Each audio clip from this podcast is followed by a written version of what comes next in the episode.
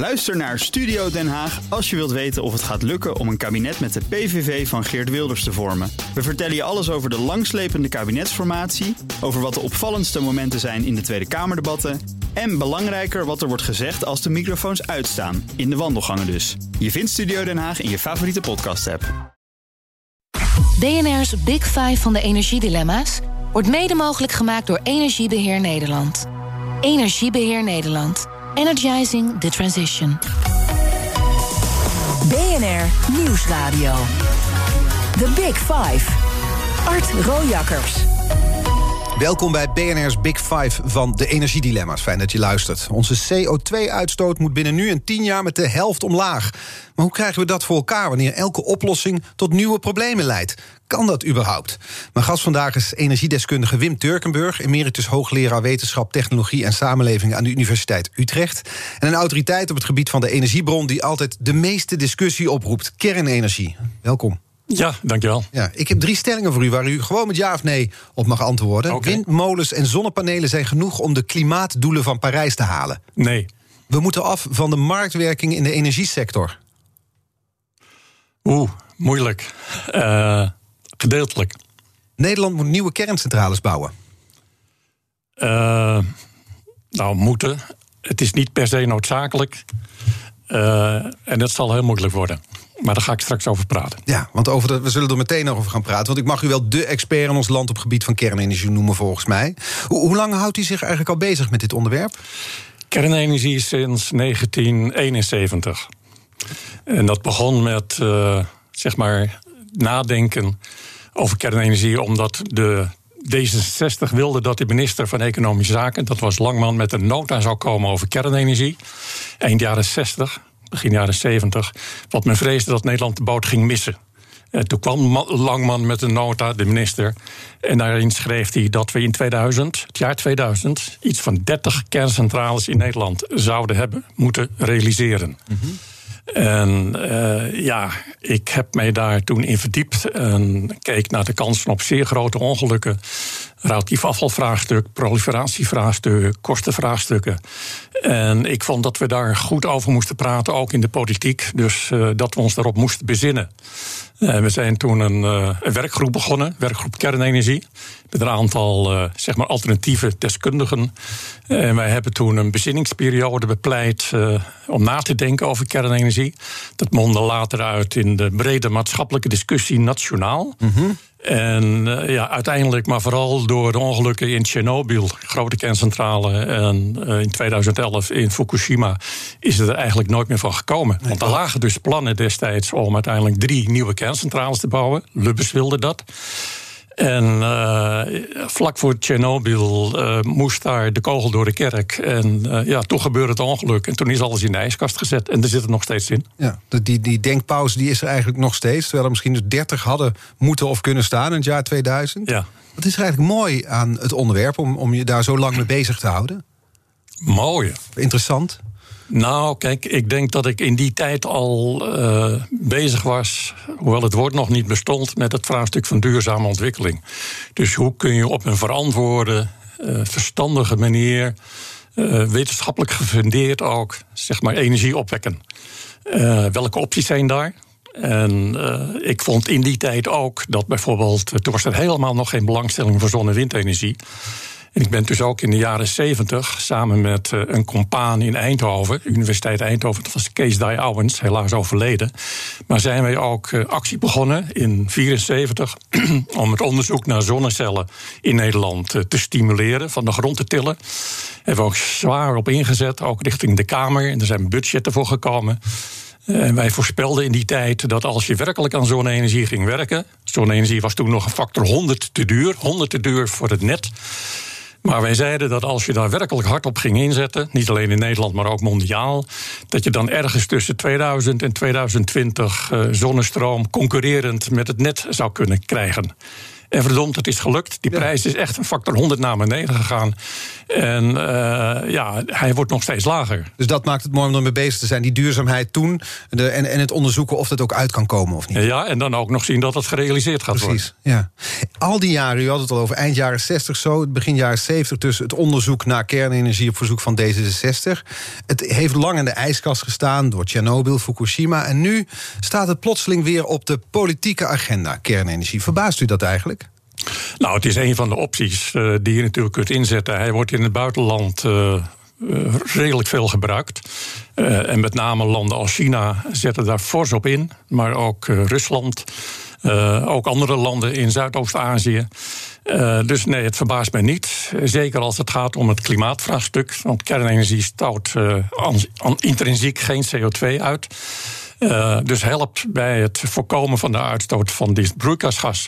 Dus als je dat op een verantwoorde, veilige en schone en goedkope hè, of concurrerende manier kunt doen, ja, dan zou dat heel mooi zijn. Maar kan dat?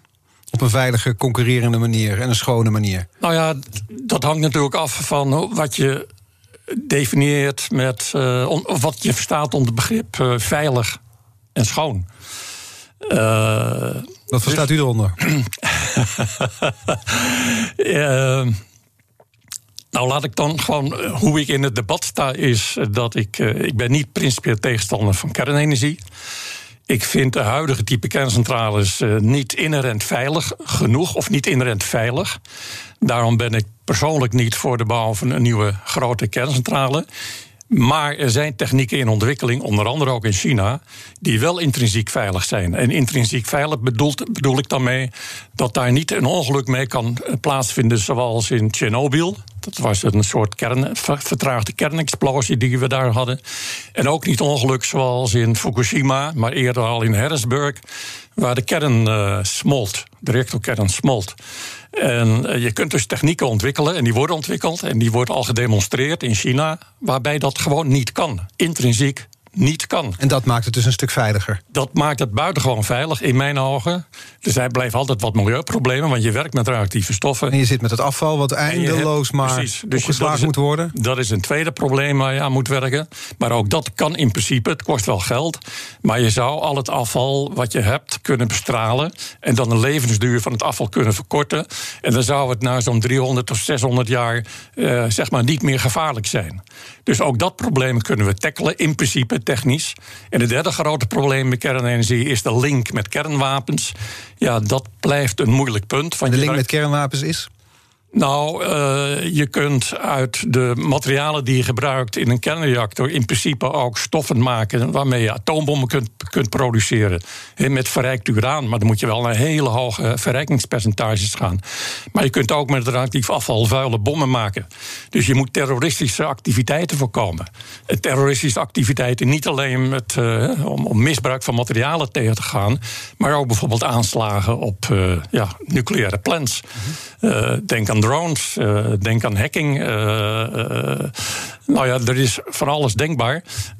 dus het security-vraagstuk is naast het veiligheidsvraagstuk een groot vraagstuk. Maar je kunt dus technieken ontwikkelen waarbij die risico's ook sterk uh, verkleind uh, worden. En wat er nu dus gebeurt in Den Haag is dat er een, in de Tweede Kamer een motie is aangenomen voor een marktconsultatie, zoals dat dan heet, naar kernenergie. Eigenlijk is het, kun je het samenvatten, de politieke wil is. Er is een meerderheid in de Tweede Kamer die zegt: laten we dit onderzoeken. Tegelijkertijd is er nog geen enkele commerciële partij die zich heeft gemeld die in Nederland een kernreactor wil bouwen. Volgens dat zei Ed Nijpels, die hier gisteren te gast was. Komt dat? Nou, het is inderdaad waar. Nederland heeft het nooit uitgesloten, ook het kabinet niet. Er is wel een sentiment tegen kernenergie, ook in de Kamer. We hebben nog maar een paar jaar geleden een motie gehad dat Nederland er moet, uh, erna moest streven om de kerncentrale in Doel zo snel mogelijk, maar ook in Tihans uh, gesloten te krijgen. Uh, dat wil Nederland in België. En nu moeten we dus nieuwe kerncentrales gaan bouwen. Zo kan het gaan. Zo kan het gaan, precies. Dus het kan inderdaad binnen een jaar helemaal omkeren, blijkt. dat hebben we eerder gezien hoor, ook bij andere energietechnieken. Mm -hmm. Denk aan biomassa. Uh, Daar komen we straks nog over te spreken. Oké, okay, oké. Okay. Maar het grote vraagstuk bij kernenergie is nu kosten. De investeer eh, Kijk, als je nu een kerncentrale wil bestellen, dan praat je waarschijnlijk over een reactor voor zo'n 1000, misschien 1600 megawatt. Frankrijk levert er een. Die wordt gebouwd in Finland, al sinds 2005. In Frankrijk zelf sinds 2007. Ze draaien nog steeds niet. In Engeland zijn ze nu net begonnen, 2018. De bouw van twee van die types centraals. Dus er zijn er vier eh, in aanbouw. Maar het is gewoon ongelooflijk ingewikkeld en langdurig proces om zo'n reactor te bouwen. Het is ingewikkeld, het is uh, duur. Uh, het grote probleem is ook dat wij de expertise in de westerse wereld bijna niet meer hebben. Nee, we hebben dus, zo lang geen kerncentrales meer gebouwd dat we moeten alles weer opnieuw gaan bedenken. Met als gevolg dat er daarom simpelweg geen bedrijven zijn die het nu kunnen of willen. Het is te duur. Uh, ja, er zijn wel meer redenen waarom het te duur is. Maar de investeringskosten zijn dus buitengewoon hoog. Je praat al gauw bij een kerncentrale van 1000 megawatt. Ja, maar laat ik zeggen 8 miljard euro. Misschien, zegt minister Wiebes, wordt het wel 10 miljard. Heb je het over een centrale die nu in Finland en Engeland wordt gebouwd. Ja, dan zit je ergens, denk ik, tussen de 10 en een 15 miljard uh, euro. Uh, dat zijn buitengewoon uh, hoge bedragen. En dat moet zich terugverdienen. Nou, het tweede grote probleem is dat we, of voor kernenergie dan, dat we inzetten in Nederland op zon en wind. We willen in 2030 al 70% van de elektriciteit uit zon en wind halen. Mm -hmm.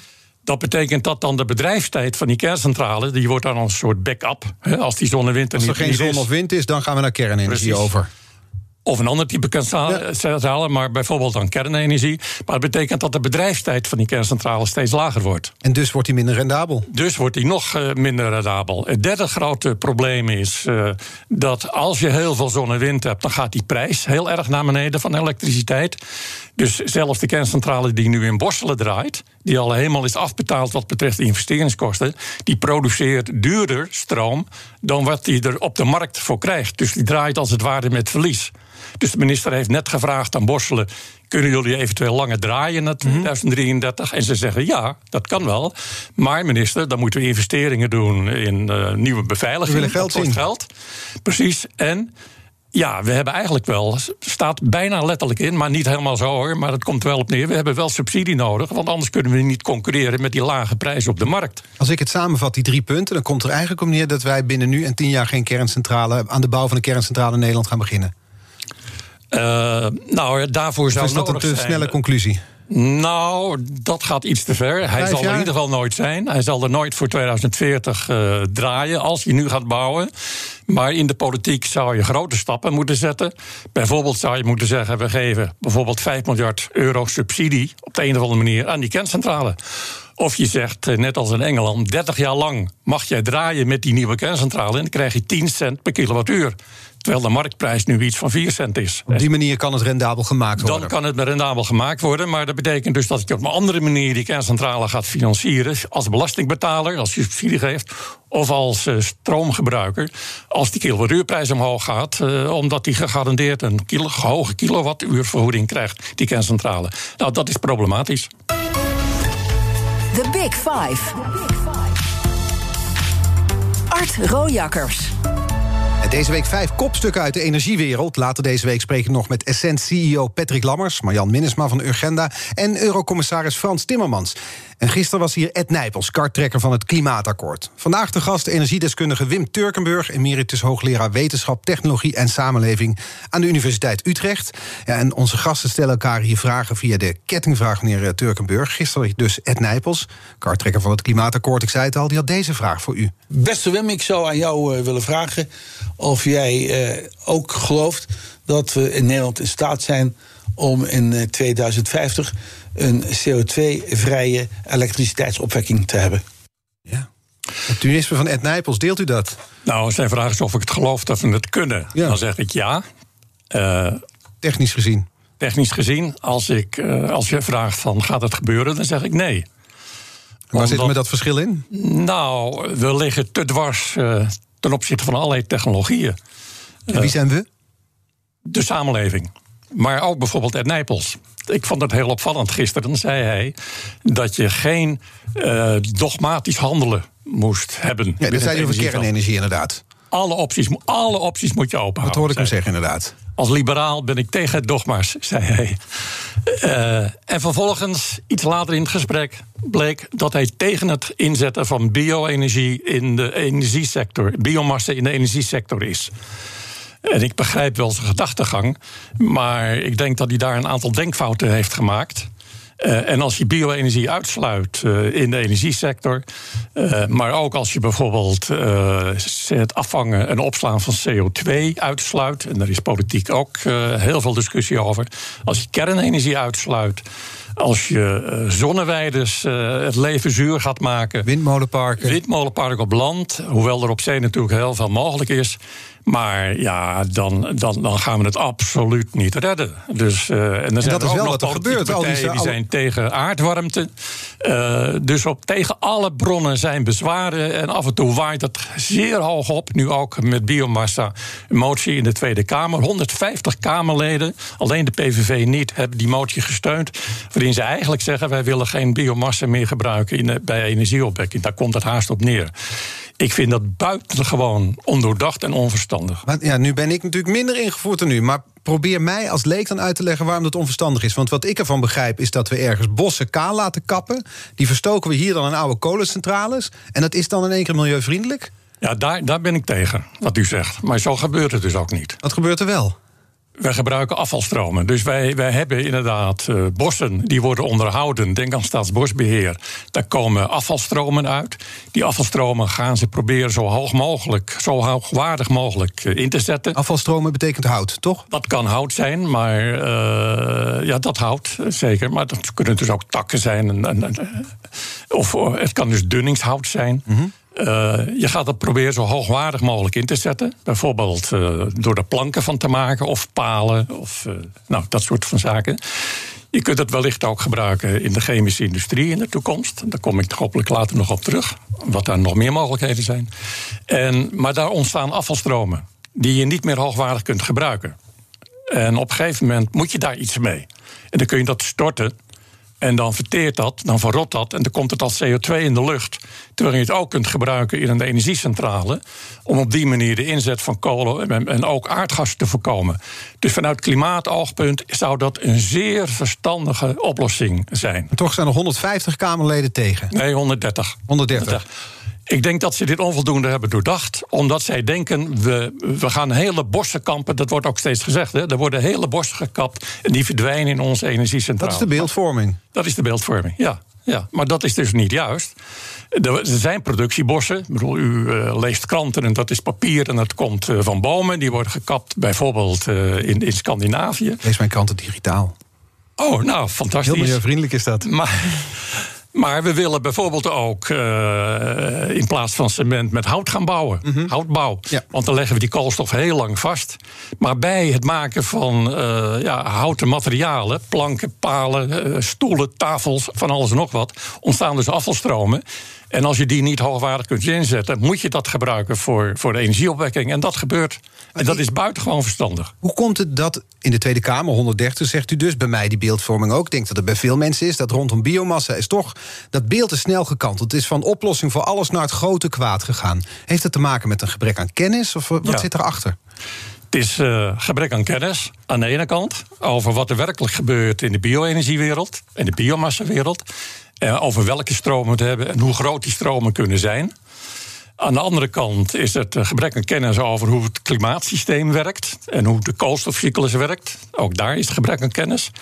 En een derde is dat men veel te optimistische verwachtingen heeft over de mogelijkheden van zon en wind.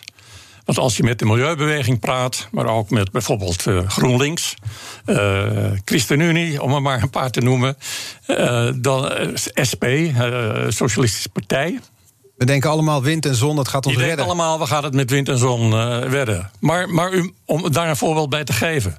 We werken nu in heel Nederland aan regionale energiestrategieën. Alle regio's in Nederland moeten een plan bedenken. En dat plan is er onder andere op gericht om 35 terawattuur... Uh, van onze elektriciteit met zon en wind uh, te dekken. Dat geeft geweldig veel heisa in het land. Overal zijn discussies gaande. Er is heel veel weerstand. He, tegen die windparken, tegen zonneweiden. Mensen willen niet in een achtertuin. Willen niet in de achtertuin. Maar weet u, die 6% die, die, die, die 35 terawattuur... dat is nog maar 6% 6% van onze totale energievraag. Dus willen we 100% halen, staat het hele land vol met windmolens en nou, je zult dan inderdaad de Noordzee op moeten gaan. Maar je zult inderdaad, als je dat allemaal in Nederland wil doen...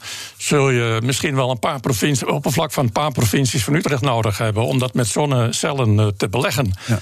Daarom ook, eh, je kunt het niet alleen met zon en dat beeld bestaat wel. Uh, en dat is een onjuist beeld. Maar is dat, hoe, hoe, komt dat dan? Want ik kan me voorstellen dat u, goed ingevoerd emeritus hoogleraar... dat u zich stoort aan het gebrek aan kennis dat dan in dat debat zit, in die discussie zit. Want wij praten er met z'n allen over, storen ons aan die windmolens en die, die zonneparken... en de Tweede Kamer gaat erover, maar we, we hebben blijkbaar geen flauw idee. Uh, ik denk inderdaad uh, dat we heel veel mensen geen flauw idee heeft. Uh, men hoort wat, al dan niet via sociale media. Men roept wat. Men loopt mee met de waan van de dag. Nee, ik ben daar inderdaad heel, heel pessimistisch en, cynisch haast, over. Dat moet je nooit zijn, natuurlijk. En ik probeer wel informatie te geven op alle mogelijke fronten. Maar ja, dan moet je ook een gewillig oor uh, zien te vinden. En dat is er niet uh, altijd. En er zijn misschien ook wel belangen. Uh, waardoor sommigen denken van ja, dat wil ik helemaal niet. Dus laat ik vooral het beeld propageren. Bijvoorbeeld, ik wil geen kerncentrale. Dus ik zeg ik, ik kan alles met wind en zon oplossen. Dan zeg ik nee, dat kan niet. Dus alleen maar met zon en wind. Uh, lukt niet. Dus je zult ook andere opties moeten hebben. En als je dan bijvoorbeeld tegen biomassa bent in de energiesector. En we zullen dat in de toekomst hard nodig hebben, gecombineerd ook met het afvangen en opslaan van de CO2 die daarbij vrijkomt. Want dan haal je netto CO2 uit de lucht, mm -hmm. netto CO2 uit de lucht halen en ondergronds opslaan. Dat kun je dus met biomassa, met CCS doen, zoals het heet. Wij zullen ook aardgascentrales nodig hebben.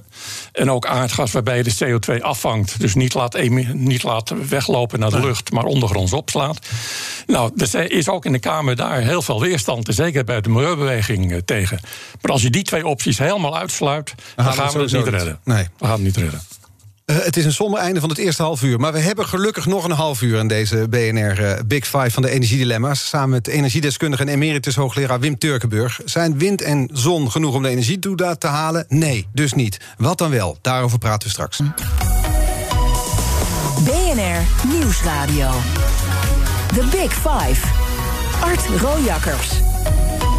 Welkom bij het tweede halfuur van BNR's Big Five. Deze week vijf kopstukken over de energiedilemma's waar we mee kampen. Ed Nijpels, Essent-CEO Patrick Lammers, Frans Timmermans, Marianne Minnesma... en vandaag de gast energiedeskundige Wim Turkenburg... emeritus hoogleraar wetenschap, technologie en samenleving... aan de Universiteit Utrecht. En meneer Turkenburg, ik zal nog even terug te denken... waar we het over hadden vlak voordat we naar de nieuwsupdate gingen. En eigenlijk is de samenvatting van wat we bespraken... dat dat energiedebat zo enorm gepolitiseerd en gepolariseerd is. Elke groep heeft zijn eigen taboes. Uh, ja, ja, dat is zeker het geval. En daar komt dan ook nog bij dat we geen. Vroeger hadden we een algemene energieraad. Er zaten veel deskundigen van verschillende pluimage bij elkaar. En die adviseren de minister over het te voeren energiebeleid. Maar die maakten er ook analyses van wat mag je nou van de ene optie en van de andere optie verwachten. Dat is in een bezuinigingsgolf afgeschaft. Dus er is niet meer een, een, zeg maar een college van deskundigen die de regering uh, verstandig kan adviseren. En er komt bij dat binnen het ministerie zelf van Economische Zaken de deskundigheid op energiegebied sterk naar achter is gegaan. Hoe komt dat? Uh, er moest bezuinigd worden. En mensen roleren heel vaak. Dus je moet niet meer specialisten hebben, maar je moet generalisten hebben op het ministerie. Dus het kennisniveau is bescheiden, laat ik het voorzichtig zeggen. Bescheiden is een mooie uitdrukking. En, en uh, als er dus iets gedaan moet worden, dan, dan worden er ja, bureaus ingehuurd die een nota schrijven voor het ministerie. Uh, maar in het verleden hadden we dus onder andere die Algemene Energieraad. Ik heb er zelf ook in gezeten. En die gaf dan advies. En uh, die deed dan een evaluatie van, noem wat, de voor- en nadelen van biomassa en is het wel of niet verstandig. Of kernenergie. Maar dat is er niet meer. Wachten. Dat is er niet meer. En dus, dus wordt het voor een ja, Iedereen doelheide ingezet. Iedereen kan wat roepen. Iedereen wordt, uh, kan wat roepen. En uh, er vindt niet meer een soort afweging van alles plaats. Op een goede, verstandige, wetenschappelijk verantwoorde manier. Mag ik dat wonderlijk noemen? Juist in een tijd waarin we bezig zijn met die energiedilemma's. Juist in een ja. tijd waarin we zeggen, nou we hebben tot 2030 om de helft minder CO2 uit te stoten dan in 1990. Zegt u, er is zoveel bezuinigd dat het kennisniveau op het ministerie achteruit is gegaan. En we hebben geen algemene adviesraad meer op dit vlak. Dat klopt. Uh, dus ik maak me daar ook zorgen over. Uh, ik vind het heel onverstandig. En je ziet ook, denk aan de coronacrisis. Daar worden toch weer deskundigen bij elkaar gehaald om de regering te adviseren. En dan is het debat: moet je die, dat college van deskundigen niet wat breder samenstellen? Nou, dat was dus bij de Algemene Energieraad het geval. En dat waren soms wel wat minderheidsstandpunten, maar dat is geen probleem als er maar een soort van meerderheidsopvatting uitkomt. En dat bestaat niet meer. Dus er is wat een heet geen clearinghouse van informatie. Iedereen kan roepen, iedereen kan wat beweren. En dat gebeurt ook. En dat gebeurt ook. Ja. Dat is de ene kant. Dus eh, misschien een gebrek aan, of misschien een gebrek aan kennis, zoals u het beschrijft. Aan de andere kant lijkt iedereen, het grote deel uh, van de bevolking is het ermee eens. We moeten die CO2-uitstoot moet omlaag. Ja. want het gaat de verkeerde kant op. Maar dan kom je bij de praktische uitwerking. Niemand wil uh, zijn achtertuin vol met, met een zonnecelpark. Niemand wil windmolens als uitzicht. Dus die praktische bezwaren, de verrommeling van het landschap... dat is ook iets waar nou ja, deskundigen als u ook mee te maken hebben. Er bestaat zoiets als een wetenschappelijke werkelijkheid... maar ook zoiets als de praktijk. Zeker.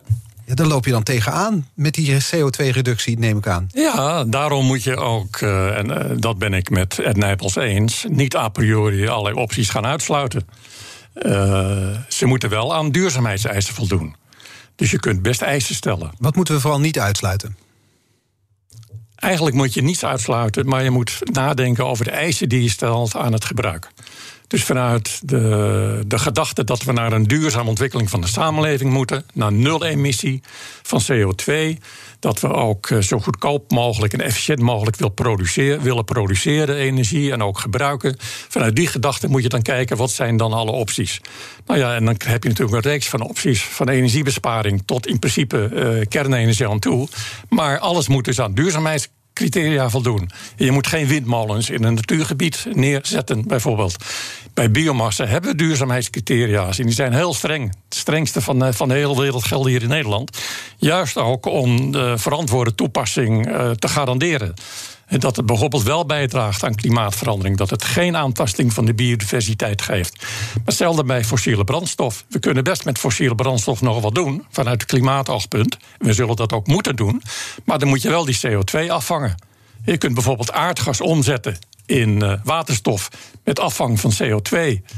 CO2 sla je ondergronds op. Er is een gigantische capaciteit wereldwijd om het veilig en verantwoord te doen. Ja, want hoe dat er eigenlijk uitziet, is dat de CO2 dan opslaan ondergronds. En bijvoorbeeld ja. ondergrondse aardgasvelden onder de zee, volgens precies, mij. Precies. En zo kunnen we het dan voor de komende halve eeuw. Kunnen, is dat een soort tussenoplossing? Nou, je kunt het inderdaad als een tussenoplossing zien, zolang je geen hernieuwbare energiebronnen of een inherent veilig en schone kernenergiesysteem hebt gerealiseerd. Dus je ziet het inderdaad als een tussenoplossing. Maar ik vrees zelfs, zoals we met het klimaatvraagstuk omgaan, ook na 2050 zullen we daar nog grootschalig gebruik van moeten maken. Want wat is het probleem? We stoten veel te veel CO2 uit. We gaan over die anderhalve graad doelstelling heen. We mogen het klimaat niet meer opwarmen dan ongeveer anderhalve graad op aarde. Uh, want daarna is het niet duurzaam. Nederland bestaat dan over 300 jaar niet meer, althans West-Nederland. Dan liggen we hier onder 6 meter, uh, zo niet 10 meter hogere zeespiegel. Dus Amsterdam is verdwenen. Onder water. Dus dat soort rampen dreigen op langere termijn. Om dat te voorkomen zullen we ook te veel uitgestoten CO2 weer uit de lucht moeten halen. Dat heet negatieve emissie. En dat kun je bijvoorbeeld doen door het direct uit de lucht te halen. Doe je dat dan? Zet je dan een stofzuiger op de wolken? Of nou, zo zou je het bij wijze van spreken kunnen zeggen. Dus je hebt een soort absorberend medium... waar je dan de lucht doorheen blaast. En dat absorberend medium haalt dan heel selectief de CO2 eruit. Legt dat vast. En dan moet je op een andere plek dat, dat, dat medium dat CO2 heeft... moet je even opwarmen. Dan komt die CO2 schoonvrij, 100 en die kun je dan zeg maar comprimeren en onder de grond stoppen. En dit bestaat al of dit is, is science fiction? Ja, nee, nee. Uh, dit kan, dit wordt al gedaan. Uh, Zwitserland is ermee bezig. Canada is ermee bezig. Uh, in IJsland zijn ze ermee bezig. Op kleine schaal. Het is een, nog een, wel een dure techniek. Maar dat zal een heel belangrijke techniek voor de toekomst worden. Yeah. Je kunt die CO2 gebruiken als grondstof in de chemie. ik denk dat het buitengewoon belangrijk is. In, zeg maar binnen 10, 20, 30 jaar. Ik heb er ook met Shell hier in Nederland over gesproken eind vorig jaar. En zij vertelde dat ze al met een stuk of tien projecten op dit gebied, internationaal en ook in Nederland, bezig zijn. Is dit dan de, de oplossing? Of is dit weer onderdeel van die mix waar u het eigenlijk over heeft? Het is onderdeel van de mix. Meer is het ook niet. Dus, dus het afvangen van CO2 uit de lucht. Je kunt dan die CO2 als grondstof gebruiken voor een koolstofchemie. Je kunt er brandstoffen mee maken. Maar je zult ook een groot deel van die CO2 ondergronds moeten opslaan. Ja. Maar het kan ook door bijvoorbeeld veel meer bossen aan te leggen. Door een andere manier niet, van landbouw onze hele land vol staat al vol met windmolens en zonneparken. Dus we hebben geen plek voor bossen. Dat klopt. Nou ja, misschien moeten wij landbouwgrond uit bedrijf uh, halen. En dan kunnen we dus die oppervlakken gebruiken voor andere doeleinden. Laat het de boeren niet horen. Dan bent u een weiland nou, aan het nou, afpakken. Het, het, gebeurt al. Ik bedoel, als je praat over die zonneweiders, dan zijn dat vaak uh, gebieden waar dan boeren meer geld verdienen wanneer ze daar zonnecellen neerleggen, dan wanneer ze daar koeien laten lopen. Hm. En dus zullen we meer zonneweiden zien in de toekomst, hoe lelijk die ook zijn? We zullen meer zonneweiden zien. Dat is natuurlijk een voorkeur om het op daken neer te leggen, die zonnecellen. Maar dan kun je maar een heel klein deel van onze energievraag uh, mee dekken. Ik denk dat je niet verder komt dan misschien 10% van, van onze energievraag. Als je bijna alle daken in Nederland gebruikt uh, om, om, om stroom op te wekken. Dus het is onomkoombaar dat we toegaan naar een land met meer zonneweiden, zonnecelparken, met meer windmolens, ook op land. Dat kan niet anders. Op land, op het water. Uh, we zullen ook uh, dat in het buitenland gaan neerzetten, maar daar hebben we minder grip op. Denk aan de Sahara. We zullen daar. Uh, en dan die, die energie hier naartoe halen, als elektriciteit of als waterstof. De Sahara dus volleggen met zonneweiders. Dat uh, gebeurt nu al voor een deel. Niet, niet helemaal hoor. Je hoeft maar een heel klein deel van de Sahara vol te leggen. En dan kun je, wij spreken, de wereldenergievraag in principe dekken. Groot probleem is natuurlijk wel steeds dat je, uh, ja, de vraag naar stroom is er ook s'nachts en dan is er geen zon. Uh, en hetzelfde geldt voor windwalens op de Noordzee. Het komt wel eens voor dat, uh, dat tien dagen lang achter elkaar het nauwelijks waait op de Noordzee. En dan hebben we dan te maken met blackouts? Hebben we dan even geen stroom in Nederland? Dan dreigt in de toekomst blackout. Uh, en dat, dat is misschien wel nader dan wij nu weten. klinkt onheilspellend. Ja, ik vrees maar dat daar grote problemen gaan ontstaan.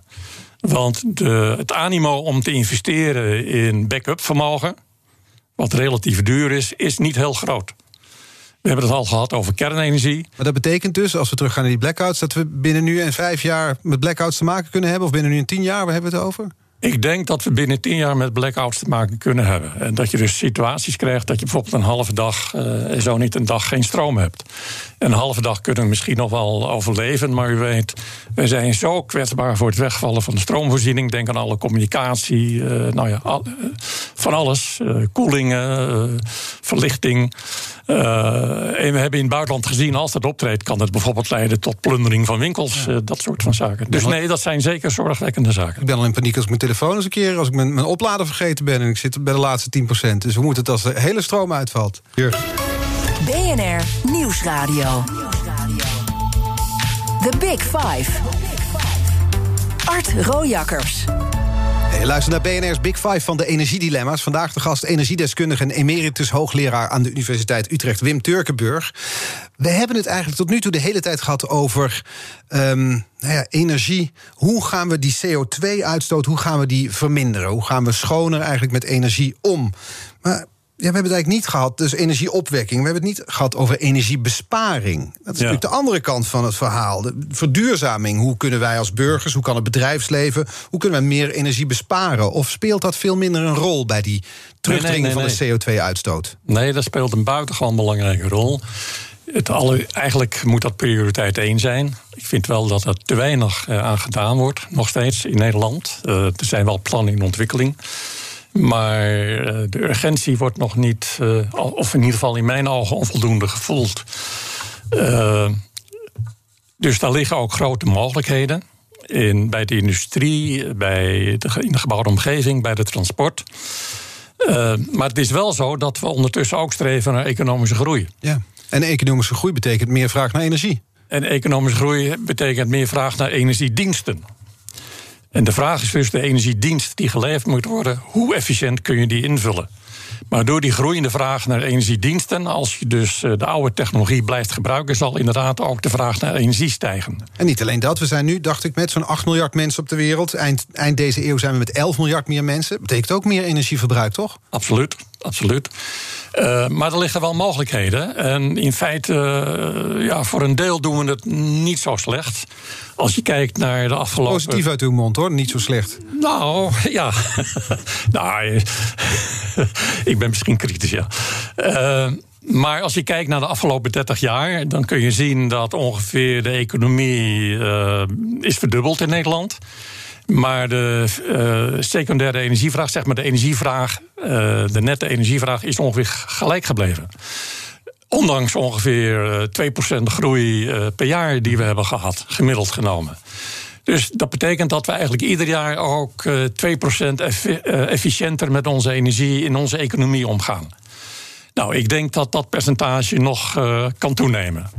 Uh, en er zijn bewegingen zoals Urgenda. Uh, en jullie hebben aan het eind van de week uh, Marian, Marian Minnesma. Marian is hier vrijdag te gast. Die denken dat dat buitengewoon grote stappen zouden kunnen zijn. En ik denk dat ze daar veel te optimistisch over is. Maar er kan meer dan wat er nu gebeurt. Waar, waar is Urgenda of waar is Marianne Minnesma dan te optimistisch over? Nou, zij, denk, zij denken in hun scenario's dat je in 2030 de totale energievraag in Nederland gehalveerd kan hebben. En uh, daar ga ik niet vanuit. In 2030 zal die nog ongeveer op het huidige niveau zitten. Misschien ietsje lager, uh, maar zeker niet gehalveerd. Want hoe zouden we dat voor elkaar moeten krijgen, die energievraag halveren? Ja, dat moet u aan Marian uh, vragen. en zij zegt dan: als we willen, dan kunnen we het. En dat betekent technologisch kun je heel veel doen, dat is waar. Maar? Wat, kan, wat kan ik doen als burger? Of wat kan de industrie doen? Wat kan het bedrijfsleven doen? Nou ja, kijk, denk aan, de huizen. Kijk, de nieuwe huizen moeten energie-neutraal zijn. Dus die, uh, als je geen zon en wind hebt en ze moeten toch energie-neutraal zijn, dat betekent dat je ongeveer nul energiegebruik zou moeten hebben.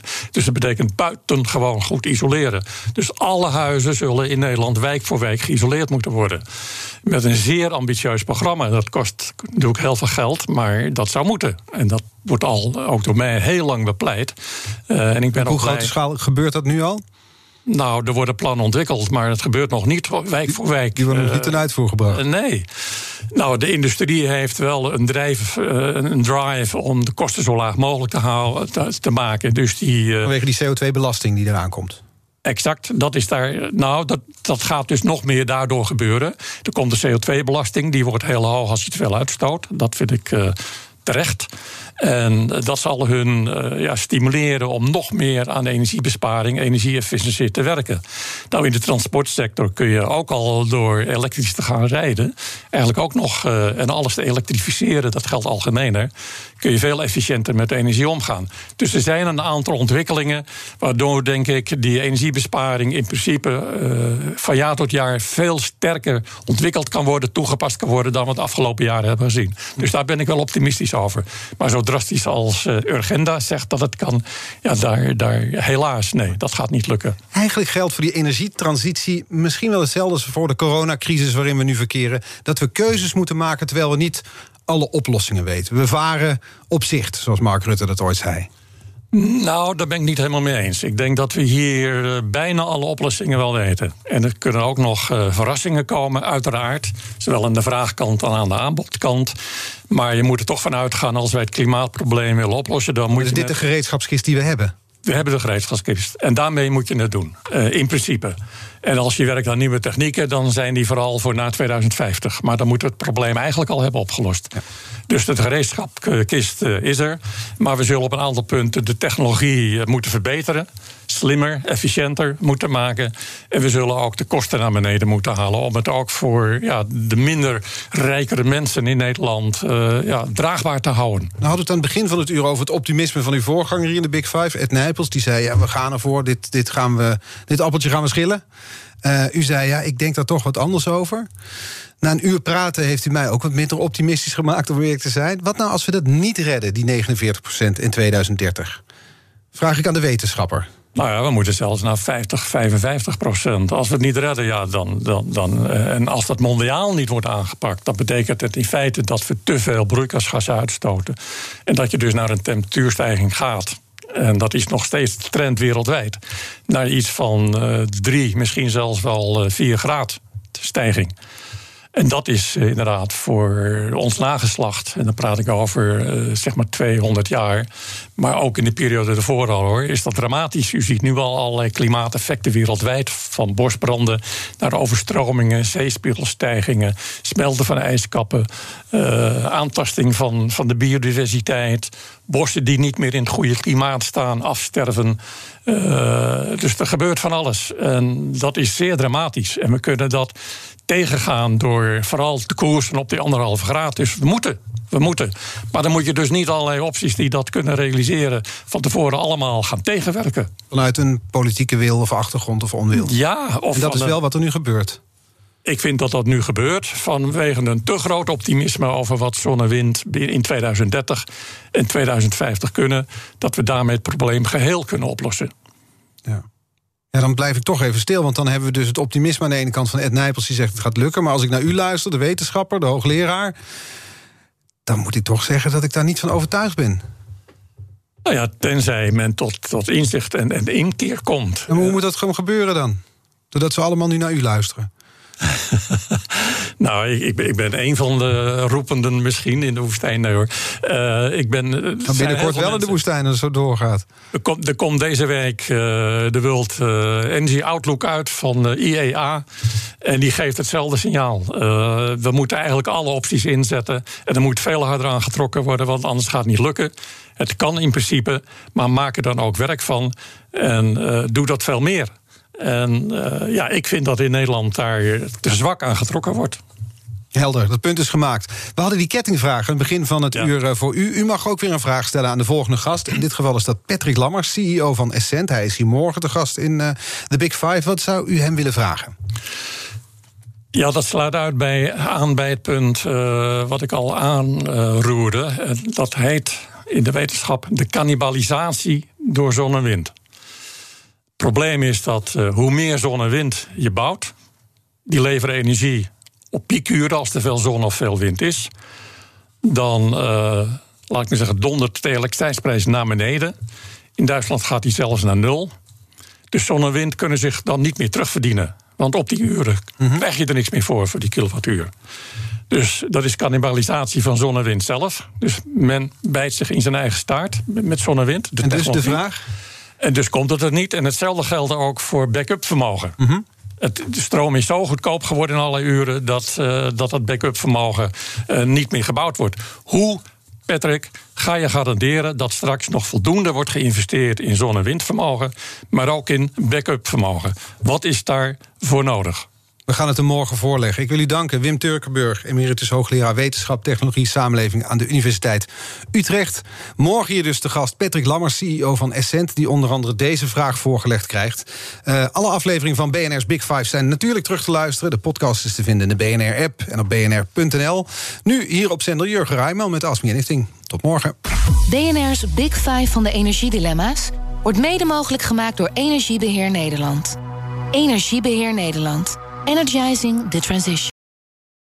Ook Thomas van Zeil vind je in de BNR-app. Je kunt live naar mij luisteren in Zaken doen. De BNR-app met breaking news, het laatste zakelijke nieuws... en je vindt er alle BNR-podcasts, bijvoorbeeld Het Nieuwe Geld. Download nu de gratis BNR-app en blijf scherp.